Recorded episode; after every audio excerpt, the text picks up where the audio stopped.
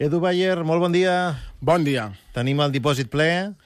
Sí, sí, sí. Doncs vinga, engeguem la nostra Volkswagen. Hem de viatjar avui per la microcatalunya, després d'haver recorregut les Terres de l'Ebre, el Camp de Tarragona, les Terres de Lleida i el Pirineu. Avui arribem a l'Empordà. Avui, de fet, coneixem el municipi de Viure. Per tant, avui toca el poble amb el nom més bonic.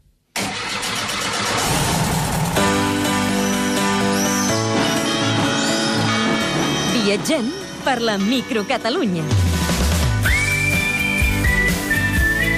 Municipi, Viure, amb B alta. comarca, A l'Empordà. habitants censats, 244. gentilici, Viurenca o viurenc? qui hi surt a l'escut, Un burro. el lema del poble, Abans un poble de pas, ara una passada. quina imatge s'hi veu a la fitxa de microcatalunya.cat, La carta del bar, on hi ha mojitos a 4 euros i crispetes a 1. conegut, Perquè l'incendi de fa dos anys de l'Empordà va cremar dues terceres parts del seu terme municipal. qui és l'alcalde, Albert Camps, de Junts per Viure Progrés Municipal. El microlloc.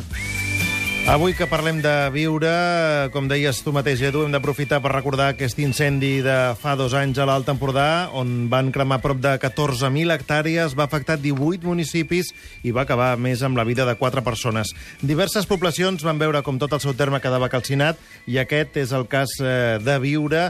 Com està ara, després de que hagi passat aquest temps? Doncs, mica en mica, els voltants del poble van recuperant el verd, però el de l'incendi és encara un trauma ben present al poble. La veritat és que per viure eh, comença a créixer el sotabosc, però la majoria d'arbres estan morts. S'observa un paisatge que és encara silenciós i trist, i, és clar no hi ha ombres per asseure's ara, ara a l'estiu. Um, els veïns amb els quals vam parlar, Marc, ens van dir que just després de l'incendi, durant potser un mes i mig, el poble va ser el centre d'atenció per a molts. Però, passat aquest temps, eh, tenen la sensació de que han tornat a desaparèixer. Gairebé no disposen d'ajudes que, que els van assegurar, eh, i no saben què ha acabat de passar amb els diners de les iniciatives benèfiques que es van fer en el seu nom. Pel que fa a l'entorn, eh, tot aquest entorn cremat es pot veure des del mateix centre del poble o cal sortir a fora? Sí, sí, perfectament. De fet, la muntanya que hi ha davant al poble encara no han talat els arbres. I es veuen, eh, i es veuen allà els, els, arbres, els arbres rostits. Pel, pels voltants, això sí, es troben muntanyes enormes d'estelles que marquen els llocs on han estat treballant amb la fusta cremada. D'aquell incendi se n'han arribat a exportar 10.000 tones de troncs i estelles eh, que s'han dut fins al port de Palamós i d'allà, carregat amb vaixells, fins a Itàlia per fer-ne, eh, a partir de la biomassa, electricitat. Es veu que a Catalunya no hi ha, no hi ha empreses d'aquest tipus. I actualment, això sí que ho hem, ens ho han comentat, hi ha un projecte de construir-ne una a Caçà de la Selva. Tornant per això al poble de Viure, si camineu una mica pels voltants, el que també trobareu seran molts búnkers que recorden que aquest poble és ben a prop de la frontera amb França i que aquí la guerra i la història són molt, ben, molt presents. La microimatge. La fotografia de l'Edu Bayer que avui podrem compartir amb els nostres oients és justament la d'un pastor que, em comentaves, Edu, fa dos anys amb l'incendi va perdre cremades les eh, 500 ovelles que manava i s'ha hagut de reinventar. Sí, el Marc, el Marc Martí. El Marc és un dels dos nois que conduïen un ramat que es va cremar a l'incendi de, de juliol de 2012 a Viure. El foc va començar per la Junquera i ells van, aviat van veure fum, però avançava tan ràpid que no van poder salvar els animals. Els, els intentaven portar cap al pantà d'Arnius, però no, no, van, no van ser a temps. De fet, els pastors es van salvar perquè van, van llançar-se una bassa quan el foc ja els envoltava. Va ser, va, ser, va ser un xoc, i el Marc reconeix que va passar uns quants dies sense parar de plorar, al veure que tot se li havia cremat i que la seva vida havia fet un tom en un tres i no res. Eh, El Marc s'havia de replantejar la seva vida i després eh, d'aquests dos anys a què es dedica ara?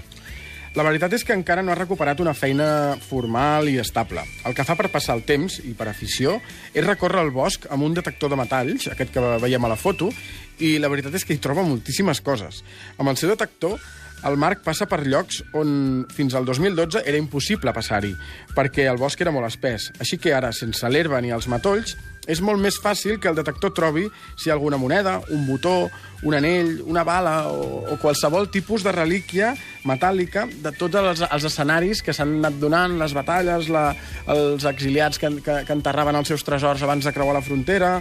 Eh, fins i tot eh, troba, ha trobat algun obús o, o bales d'aquelles eh, massisses que es llançaven amb els canons eh, fa segles. En aquests moments, el Marc ja té a casa seva una col·lecció d'objectes molt important, més de 1.500, I és això que dèiem, que té botons, eh, que es feien els propis militars eh, que passaven per la zona durant la Guerra Civil, plaques de, de la Guàrdia Civil de fa molts anys i dels, i dels Mossos d'Esquadra de la Segona República, aquest, aquesta era molt curiosa.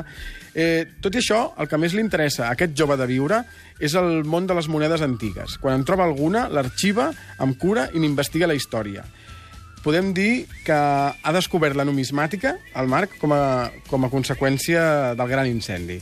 I és que casa seva no és un museu, però poc, poc li falta. I, i va, va, va construir, es, va, es, va, es va convertir en una gran col·lecció. Li vam preguntar si amb això li agradaria que, que exposar-ho al poble i tal, i va dir que sí, però que almenys que li poguessin donar alguns cèntims per pagar les piles del detector.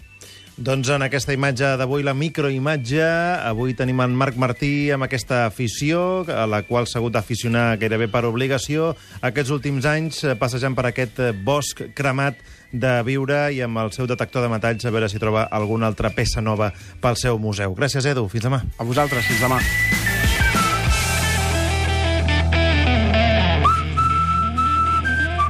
El microcatalà. Una persona que coneix bé viure i la seva gent és en Genard Fèlix, que hi viu des de fa més de 30 anys. Eh, Treballa a Figueres com a editor de Brau Edicions. Genard, bon dia. Hola, bon dia. A banda de ser editor, també ets estudiós de les barraques de Pedra Seca, una de les, eh, podríem dir, una de les mostres més importants que es pot veure a viure. Quina particularitat tenen? Bueno, a viure la pedra seca és important, tot i que no és molt vistosa, perquè té una densitat, diguéssim, baixa en relació amb altres llocs, però sí que té la característica de que és molt antiga. De fet, a viure trobaríem una de les barraques agrícoles de falsa volta més antigues del país. I més enllà d'aquestes barraques de Pedra Seca, què més eh, t'atreu d'aquest poble rural de l'interior de l'Empordà, de viure?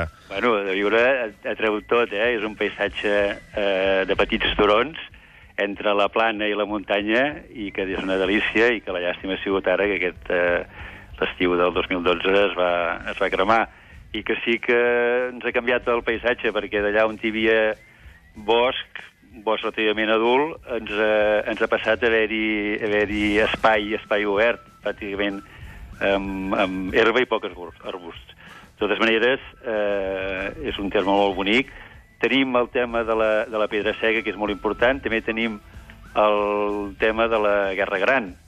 En el terme de viure eh, és, es va esdevenir una de les comeses més importants de la Guerra Gran, la, la guerra que va, que va sorgir de la Revolució Francesa, Sí. que enfrontava els dos estats, l'espanyol i el francès, i l'escomesa més important va esdevenir aquí a, a, a viure. Eh, una, un bàndol estava a un cantó del poble, l'altre bàndol estava a l'altre, amb el que s'anomena la, la batalla del Roure, i, eh, i bé, van, va ser important, va morir el general Dugomier, que era el cap de, dels escamots francesos, que havia sigut general del capità Bonaparte, del Napoleó, i també va morir el, el, el comte de la Unió, que era, era el general espanyol, vull dir que va ser una, un fet important i que va portar en el terme municipal a haver-hi eh, em sembla que per la, per la banda espanyola hi havia 10.000 eh, soldats, vull dir que no, és, no era poca cosa. Malgrat aquest incendi a què feies referència, Genard, els ànims al poble mm, continuen ben amunt, no?, per tirar endavant. Home, els ànims estan amunt. Eh, de fet, s'ha fet un esforç important perquè, tot i que sap molt de greu, s'han eh, lograt talar molts dels arbres morts que si no haguessin sigut un veritable caos en el, en el bosc i encara hagués tardat més a recuperar-se i de fet s'ha fet molta neteja i bé, la natura té un gran poder de regeneració, esperem que, que nosaltres encara ho puguem veure. Doncs així sigui. Genard, moltíssimes gràcies, molt bon dia. Molt bé, gràcies Adéu-siau. a vosaltres.